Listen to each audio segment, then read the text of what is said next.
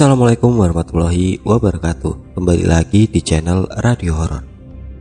Untuk kisah kali ini ada sebuah cerita pendakian Yang ditulis oleh akun Twitter Yang bernama @kangedit underscore id Dan untuk kisah yang akan saya bawakan kali ini Yaitu kisah yang berjudul Lingga Jati Tidak Bohong Eksistensi pendaki hilang zaman Jepang. Sebelum kita masuk ke cerita ini, tekan dulu tombol like video ini dan jangan lupa tekan juga tombol subscribe dan nyalakan juga lonceng notifikasinya agar teman-teman tidak ketinggalan cerita-cerita baru dari channel ini. Dan bagi teman-teman yang ingin baca langsung ceritanya, follow juga akun penulis yang nanti linknya akan saya sertakan di kolom deskripsi. Dan seperti apa untuk kisah kali ini? Langsung saja kita simak berikut ini.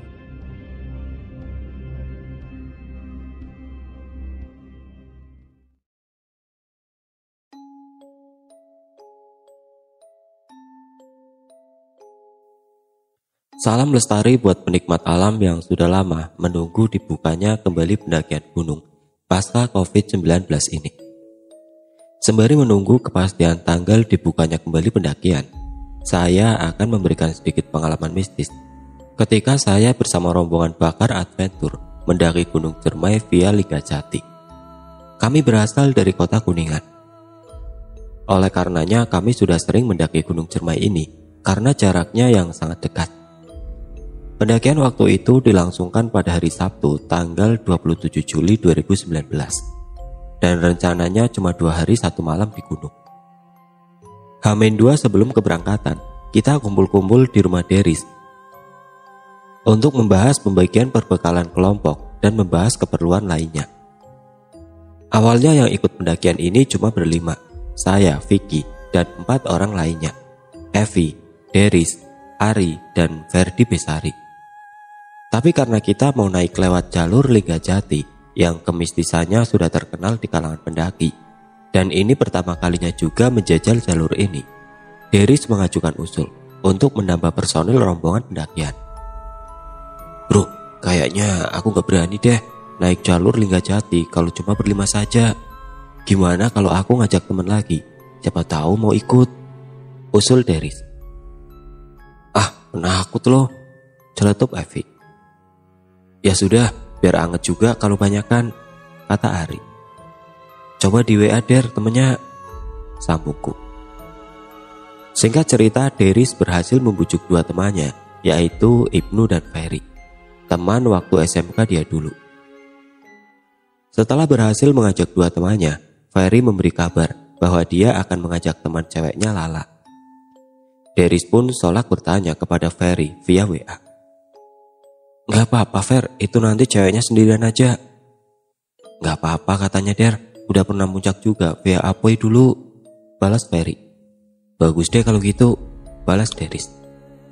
Akhirnya kami berangkat berdelapan orang karena ketakutan Deris dengan kemistisan jalur Lingga Jati ini. Ketakutan Deris ini muncul akibat kesalahan dia sendiri yang sering menonton cerita-cerita mistis pendakian Gunung Ciremai, jalur Lingga Jati sebelum melakukan pendakian. Sebaiknya, kalau kita mau melakukan pendakian, jangan dulu menonton video atau membaca kisah mistis gunung yang mau kita tuju. Itu akan menumbuhkan sugesti buruk pada diri kita pada perjalanan nanti. Sabtu pagi, jangan lupa ya, kumpul lagi di sini jam 7. Jangan telat pokoknya. Tegas Evi yang menjadi leader pendakian ini. Siap. Jawab kompak dari kami. Siapa aja dulu soal telat atau tidaknya. Ya gimana nanti, pikirku dalam hati. Percakapan itu pun menjadi penutup pada briefing malam itu. Hari Sabtu yang ditunggu-tunggu pun datang. Hari yang cerah, seolah ia mengizinkan saya dan kawan-kawan untuk melakukan perjalanan pendakian ke Gunung Cermai yang terlihat gagah di sebelah barat dari tempat kami tinggal. Jam menunjukkan pukul setengah tujuh. Saya cek HP dan belum ada yang memulai percakapan di grup WA. Wah, ini belum pada bangun apa ya? Katanya jam 7 harus sudah kumpul. Pikirku pagi itu.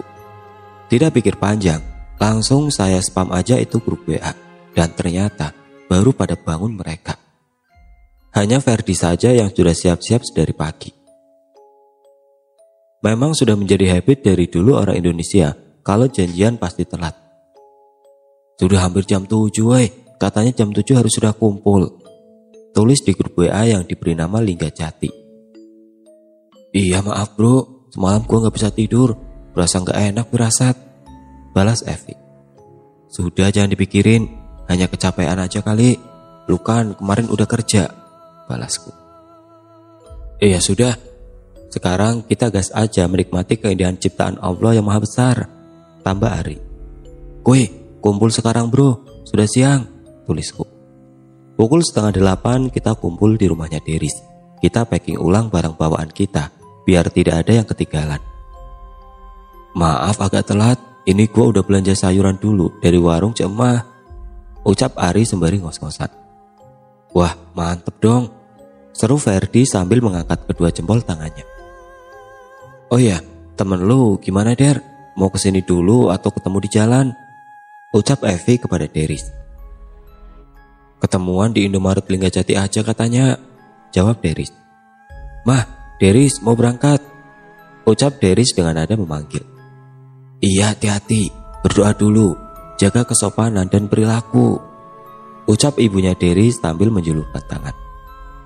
Iya mah doakan supaya selamat sampai di rumah lagi ya. Ucap Deris.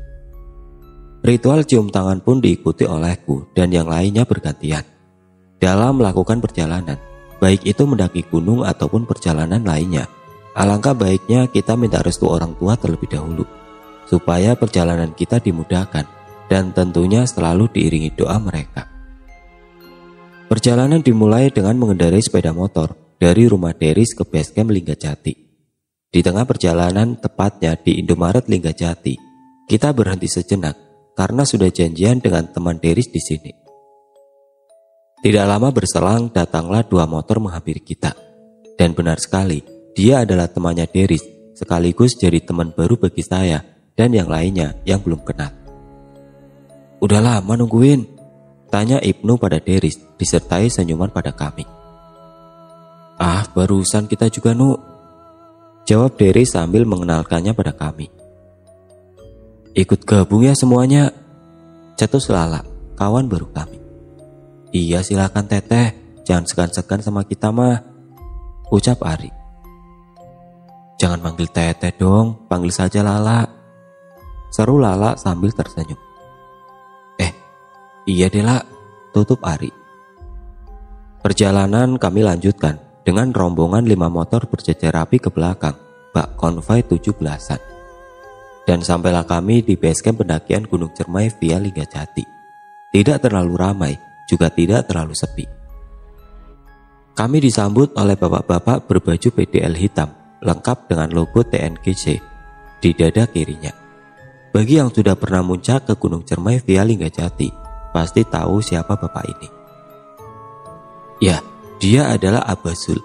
Dia yang memberikan briefing pada para pendaki ketika hendak mendaki di jalur ini. Dia adalah pribumi asli dari desa setempat dari mana ini? Tanya Abasul kepada rombongan kami.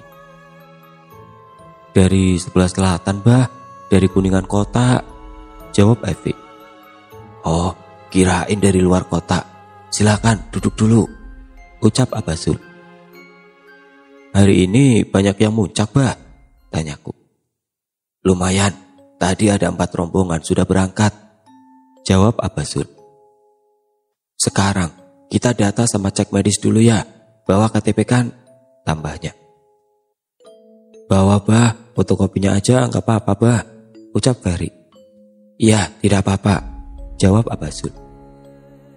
Setelah semua didata dan cek kesehatan, selanjutnya kita melakukan pembayaran di loket yang ada di basecamp itu. Harga simaksinya Rp55.000. Harga yang cukup tinggi memang bila dibandingkan dengan simaksi di gunung-gunung di Jawa Tengah.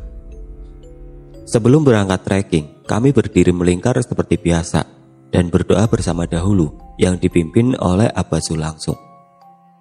Setelah selesai berdoa, kami langsung pamitan kepada Abbasul dan penjaga pos lainnya dan bergegas memulai trekking karena hari sudah siang dan jam menunjukkan pukul 9 lebih. Tiba-tiba dari arah belakang terdengar suara. Sebentar, tungguin. Dan ternyata suara itu berasal dari Abazul yang memanggil kami. Dan dia ingin menemani kami trekking setidaknya sampai pos 3 katanya. Abah ikut ya, Abah merasa ada firasat buruk. Abah temenin sampai pos 3 ya, kata Abazul. Kuat tapi bah, kan udah dapat umur, canda Lala. Kuat dong, Abah sudah berumur 49 tahun. Gini juga tenaga mah berasa masih umur 48 tahun. Jawab Abah diiringi tawa ngakak dari kami berdelapan. Sini, tasnya Abah bawa. Kasihan berat. Pinta Abazul pada Lala yang iba karena hanya dia perempuan satu-satunya dalam kelompok. Oh, iya bah boleh bah, kalau nggak ngerepotin, ucap Lala. Sampailah kami di pos 1 Cibunar, kami langsung mengisi air ke dalam jerigen yang kosong, sambil cuci muka di air keran itu. Kata Abazul, itu bukan air biasa. Kalau dipakai untuk cuci muka, bisa membuat kita awet muda. Wawahu alam. Ah, terdengar teriakan ibu-ibu dari arah warung. Ada apa Bu Ija? Tanya Abazul kepada pemilik warung. Ini ada ular bah, jawab Bu Ija dengan muka panik. Sebentar, jangan panik Bu, ucap Abazul. Dengan gersep alias gerak cepat, Abasul langsung menghampiri warung Bu Ija dengan membawa sebuah gagang di tangan kanannya. Jangan dipukul bah, kasihan, ucap Bu Ija. Udah, tenang aja Bu, ucap Abasul. Duk tak, buk. Suara gagang kayu memukul seekor ular dan akhirnya ular itu terkapar tidak berdaya di tangan Abasul. Bah, gak apa-apa ular itu dibunuh, tanyaku. Gak apa-apa, kalau ularnya mengganggu, boleh kita bunuh. Jawab Abasul. Terlepas ular itu mengganggu atau tidak, sebaiknya kita cukup mengusirnya saja. Jangan sampai membunuh makhluk hidup secara sengaja. Saya juga kaget. Semoga tidak akan terjadi apa-apa di pendakian ini, pikirku waktu itu. Mungkin Abasul punya pertimbangan lain mengapa sampai membunuh ular itu. Setelah itu kami melanjutkan perjalanan lagi dan di perjalanan Abasul bercerita banyak tentang jalur Linggajati ini, serta pahit manisnya bekerja di basecamp ini. Tak terasa kami sampai di pos 3 Kondang Amis.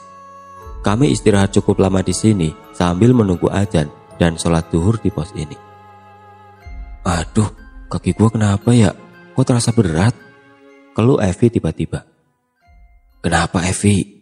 Tanya Abasul. Gak tahu bah, ini tiba-tiba berat untuk melangkah. Ucap Evi.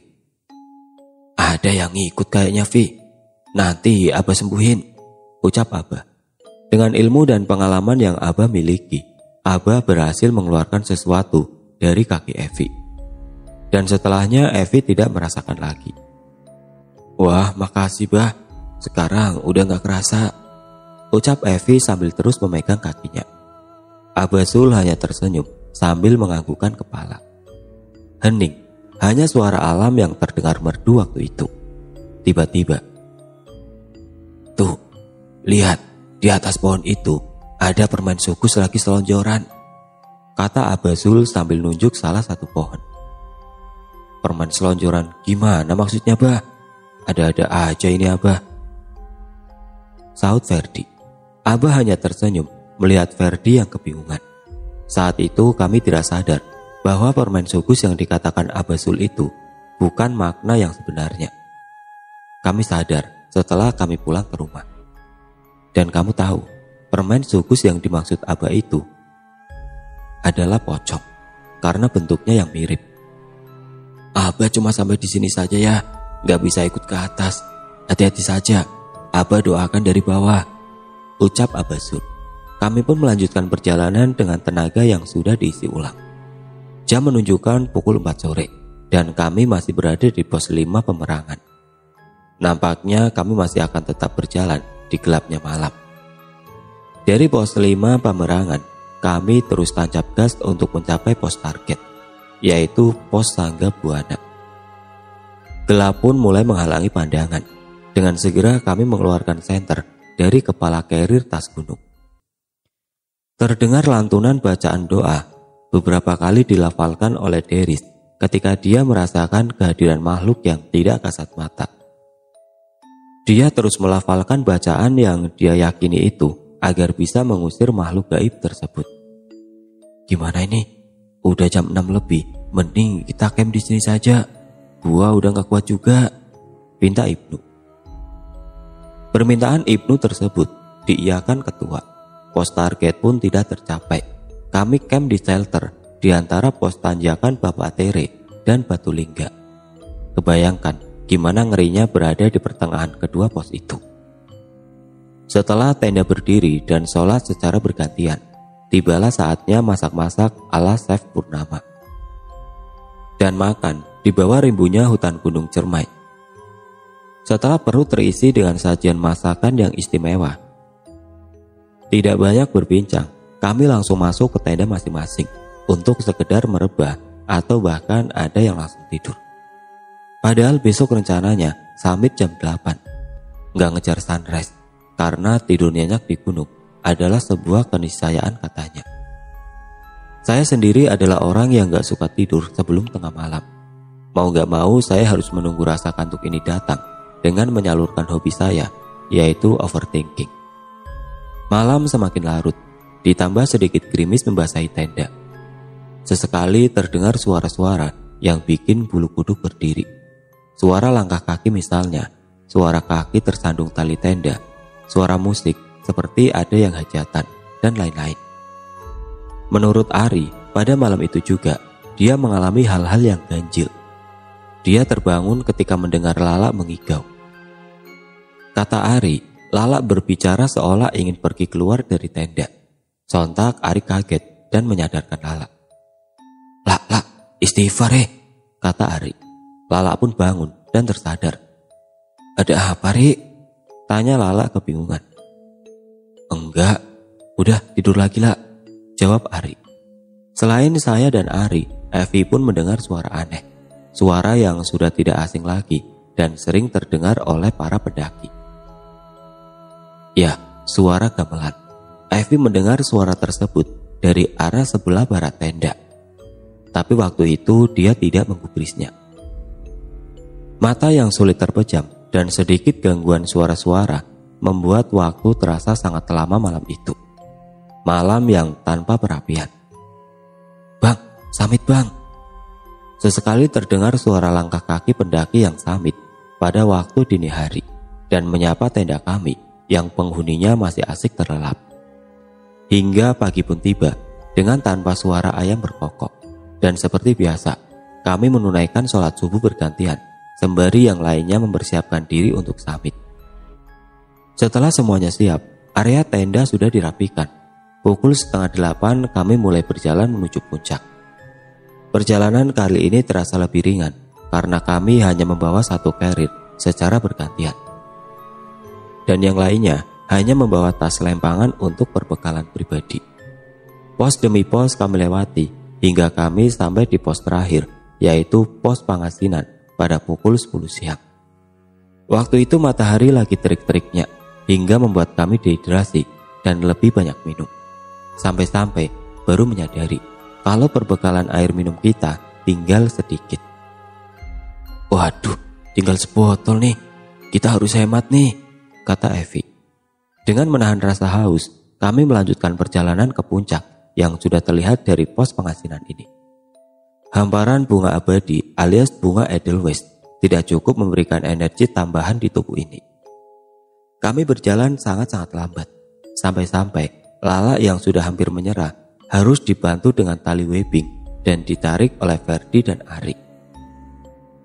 Matahari yang kian sangat memeras tenaga kami hingga kami menapakkan kaki di tanah tertinggi di Jawa Barat ini. Wah, akhirnya sampai juga. Alhamdulillah. Teriak Deris yang belum percaya dia bisa mengijakan kakinya di Gunung Cermai via Linggajati ini. Mengingat postur tubuhnya yang oversize. Tak berlama-lama kami di puncak karena rasa haus yang sudah tidak tertahankan lagi. Hanya sedikit kami mengambil gambar untuk dikenang. Bukan memfoto tulisan-tulisan alay yang dititipkan teman. Tidak ada titip salam, datang sendiri dan nikmati. Turun ayo, Haus, duh, pengen minum udah gak kuat, ucap Ferdi. Iyalah, ayo, kalau bisa, delivery cendol Mang Yono enak kali ya. Canda Ari. Kami pun bergegas turun gunung dengan terus menahan rasa haus yang kian menjadi.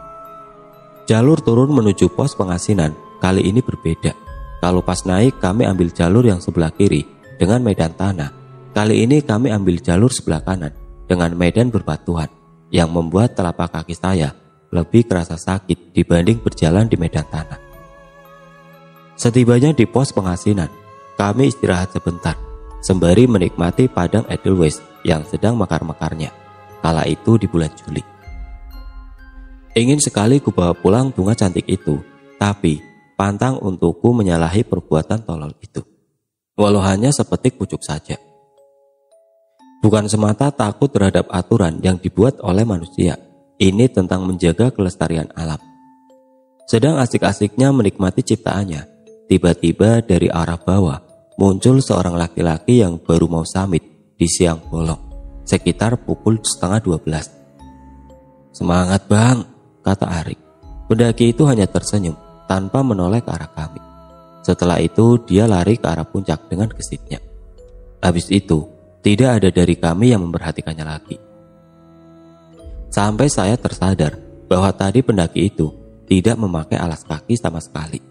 Bayangkan, di bawah terik matahari, ada orang mendaki tanpa alas kaki. Saya saja pakai sepatu gini, masih terasa panas dan sakit. Tadi sadar gak sih pendaki yang tadi terlihat aneh? Kata Lala. Aneh gimana lah? Tanya Ferry. Ya masa Samit tengah hari gini gak pakai sepatu sih? Jelas Lala. Eh, iya ya, gue baru nyadar. Terdistraksi sama haus nih, kata Deris. Bukan hanya itu, dia juga tidak memakai pelindung kepala atau topi. Kami melihat jelas dia berambut cepak ala-ala tentara. Kami juga tidak melihat dia bawa botol minum. Dia samit hanya dengan bercelana pendek dan kaos biru muda saja. Setelah obrolan itu, kami spontan memperhatikan jalur ke puncak untuk memastikan keberadaan pendaki tadi. Lama kami perhatikan, tidak nampak seorang pun di jalur itu.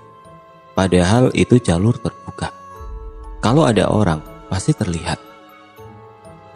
Sejak saat itu kami hanya fokus berjalan terus tanpa obrolan. Tenggorokan yang kian mengering, kaki yang kian melemah, membuat saya berkali-kali harus terpleset jatuh.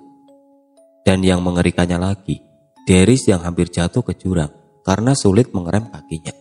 Tapi untungnya saya berada di posisi yang tepat dan berhasil menahan badannya yang cukup berat itu untuk menyelamatkannya. Terdengar suara air mengalir dari mulut ke tenggorokan dengan cepatnya. Ya, kami sampai di tenda kembali dan langsung memburu air minum yang masih lumayan banyak di dalam tenda. Setelah melepas dahaga dan merebahkan tubuh, saya langsung menyiapkan alat-alat masak karena jam sudah menunjukkan pukul setengah satu siang. Kami tidak ingin bertemu malam lagi di jalur Target kami sebelum maghrib minimal sudah ada di base camp. Masak apa sekarang? Tanya Ibnu. Kita masak tempe saus tiram ala Chef Purnama, ucap Ari. Wah mantap dong, seru Ferdi sambil mengangkat kedua jempol tangannya. Setelah selesai masak dan makan, kami langsung melipat tenda dan membersihkan area tenda. Kami pastikan tidak ada sampah yang tertinggal di sana. Hari sudah semakin sore, kami segera meninggalkan campground itu untuk bergegas turun. Tiba di pos 5 Pamerangan, kami berhenti sejenak untuk sholat asar. Kali ini kami sholat berjamaah agar bisa mengefisienkan waktu karena sudah semakin sore. Tidak berlama-lama kami pun melangkahkan kaki lagi menuju base camp yang masih lumayan jauh. Setelah meninggalkan pos Pamerangan, entah mengapa kaki ini terasa melemah seperti tidak ada tenaga. Ditambah rasa sakit pada kuku jempol kaki karena sepatu yang agak terlalu sesak. Kupaksa untuk melangkah sedikit demi sedikit untuk mengejar waktu yang semakin gelap. Karena sudah terasa semakin sakit, saya putuskan untuk mengganti sepatu dengan sandal gunung yang saya bawa. Pelajaran kala itu adalah ketika hendak membeli sepatu gunung, pilihlah sepatu dengan ukuran satu nomor lebih besar dibandingkan biasanya. Karena ketika turun gunung, kaki akan terdorong ke depan sehingga jari kaki akan terbentok ke bagian depan sepatu. Untuk sendal juga, sebaiknya kita membawa sendal gunung khusus. Jangan bawa sendal jepit, supaya bisa jadi cadangan. Ketika sepatu kita lepas sol atau kaki kita kesakitan pas di jalur. Suara ajan maghrib sudah terdengar jelas, menandakan kita sudah dekat dengan pemukiman. Kami berhenti sebentar untuk mendengarkan dan menghormati suara azan sampai selesai. Setelah itu langsung berjalan lagi dan terlihat pohon pinus berjajar rapi di depan mata. Menandakan bahwa pos 1 Cibunar sudah dekat. Oi! Suara orang berteriak. Oi! Deris membalas teriakan tersebut, tapi tidak mendapat jawaban lagi. Kami pikir di depan kami ada pendaki lain yang kemalaman juga. Tapi semakin kami mempercepat langkah, kami tidak menemukan seorang pun di depan kami. Udah, sekarang fokus saja berjalan. Pikiran jangan kosong. Jangan berhenti solawat. Ucapku. Suara jangkrik dan suara alam lainnya mengisi kesunyian petang itu. Hingga kami berhenti dan sholat maghrib di halaman warung Bu Ija yang sudah tutup. Karena waktu itu hari sudah gelap dan jarak dari pos Cibunar ke base camp cukup jauh. Ditambah dengan medan aspal yang juga membuat kaki lebih terasa pegal kami memutuskan untuk menghubungi Abasul di base camp agar mengirim ojek untuk menjemput kami di pos 1 Cibunar. Tidak lama berselang, abang ojek pun datang. Saya langsung negosiasi harga dan abang ojeknya menyepakati dengan harga yang saya tawarkan. Alhamdulillah. Itulah kata pertama yang terucap sesampainya di base camp Liga Jati dan disambut oleh Abasul sembari menyerahkan kantong sampah yang menjadi syarat agar kita bisa mendapatkan sertifikat mendaki Gunung Cermai via Lingga Jati.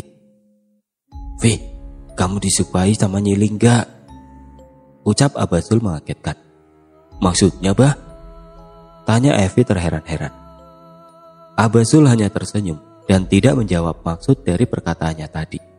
Dia meminta kita untuk beristirahat dahulu, sembari menunggu makanan yang ia pesan sebagai jatah makan pendaki yang baru turun gunung. Selesai makan, kami melanjutkan bincang-bincang dengan Abasul. Karena penasaran dengan perkataan Abasul tadi, Evi pun bertanya kembali padanya. Bah, saya penasaran. Tadi kata Abah, saya disukai. Maksudnya apa, Bah? Sekarang, Abah mau tanya dulu. Evi sudah lakukan apa di atas? Ucap Abah yang balik bertanya. Enggak, Bah. Saya nggak melakukan yang aneh-aneh, Bah. Jawab Evi. Saya hanya minta dijaga sepanjang pendakian aja bah, nggak lebih. Sambungnya. Oh, pantesan. Itu sama saja dengan Evi nyambat atau memanggilnya. Jawab Abasul. Tadi pas Evi datang ke sini, bukan bohong. Semerbak tercium harum bunga melati. Tambahnya. Nanti Abah balikin lagi ke asalnya ya, atau mau dibawa pulang. Canda Abasul. Setelah Abazul mengembalikan sosok yang mengikuti Evi tadi, kita menceritakan kembali kejadian apa saja yang kami alami saat pendakian itu. Dan kami ceritakan kejadian yang paling ganjil saat itu adalah ketika kami melihat pendaki aneh di pos pengasinan. Jadi gini bah, waktu itu kita lagi perjalanan turun sambil istirahat di pengasinan. Dari arah bawah, tiba-tiba muncul pendaki tapi mbak nggak pakai sepatu sama nggak bawa peralatan. Kalau menurut Abah, kira-kira itu pendaki biasa atau bukan? Tanya Derry sambil menceritakannya. Gimana tuh bah? Masa kalau pendaki biasa bisa sekuat itu? Kalaupun kuat, juga itu membahayakan alias tidak safety. Tambahku menegaskan. Dengan ciri-ciri yang saya sebutkan yaitu berambut cepak, celana pendek, kaos biru muda, Abah menyebutkan tidak ada orang dengan ciri-ciri tersebut mendaftar pendakian di basecamp Liga Jati. Lagi pula untuk mendaki Gunung Cermai ini, lewat mana pun jalurnya, tidak diperbolehkan mendaki sendirian. Gak ada, gak ada pendaki yang ciri-cirinya seperti itu mendaftar simaksi ke sini. Kayaknya itu jelmaan pendaki yang hilang dulu waktu zaman penjajahan Jepang. Ucap Abazul. Dari ucapan Abazul tadi, itu semakin menguatkan argumen kami bahwa pendaki yang kita temui di pos pengasinan itu adalah bukan pendaki biasa. Karena hari sudah malam, ditambah badan yang seolah menuntut untuk direbahkan di kasur yang empuk. Juga keluarga yang sudah minta kami untuk segera pulang. Kami pun segera pamitan kepada Abazul dan petugas yang ada di base camp. Jangan lupakan Abah ya, main aja ke sini. Kita ngopi di sini kalau kalian ada waktu. Ucap Abah ketika saya hendak menaiki motor Honda Beatku. Gonggongan murdok pun mengiringi kepulangan kami, seolah menyuruh kami untuk berkunjung kembali suatu hari nanti. Murdok adalah anjing peliharaan basecamp Linggajati yang telah beberapa kali ikut mendaki ke puncak Cermai. Benar kata orang-orang bahwa pendakian Gunung Cermai via Linggajati akan selalu membawa turun cerita mistis yang hampir sama di tiap pendakinya. Apakah itu hanya sugesti saja? Sugesti yang terus-menerus diceritakan orang dari mulut ke mulut sampai nempel di otak dan pada akhirnya dapat termanifestasi oleh kekuatan pikiran sendiri yang telah mempercayainya. Masih ada sedikit cerita lagi sepulangnya kami mendaki. Cerita ini datang dari pengalaman Ari yang diganggu saat hendak tidur pada malam sesaat kami turun gunung. Singkat cerita, kami sudah pulang ke rumah masing-masing sudah mandi dan bersiap mengistirahatkan badan yang amat lelah. Ari setiap malam tidur sendirian di kamar lantai dua di rumahnya. Pemberani memang, bagaimana tidak? Di samping rumahnya adalah rumah kosong yang sudah tidak berpenghuni bertahun-tahun. Selama ini Ari memang sudah beberapa kali diganggu, tapi hanya berupa suara-suara saja, seperti suara barang yang dilempar, suara katrol sumur yang ditarik, dan lain-lain. Tapi dia hiraukan.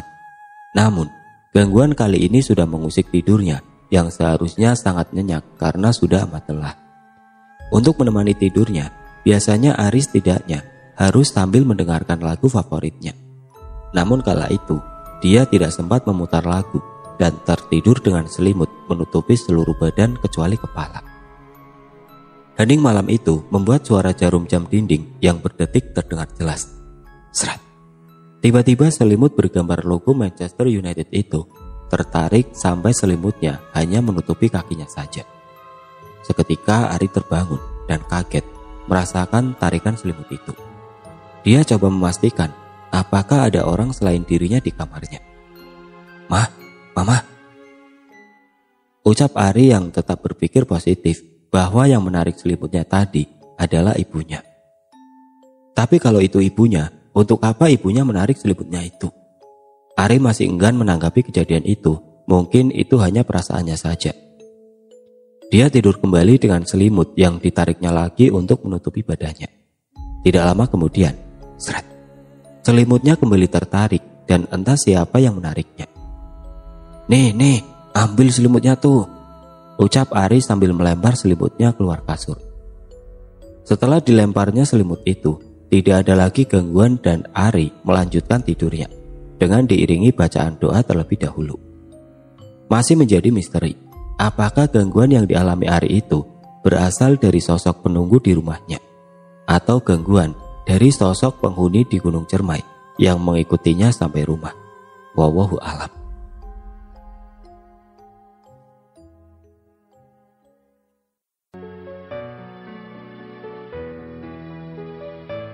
Oke teman-teman, sekian untuk cerita kali ini. Semoga apa yang sudah saya sampaikan dalam cerita ini dapat dijadikan pelajaran untuk kita semua.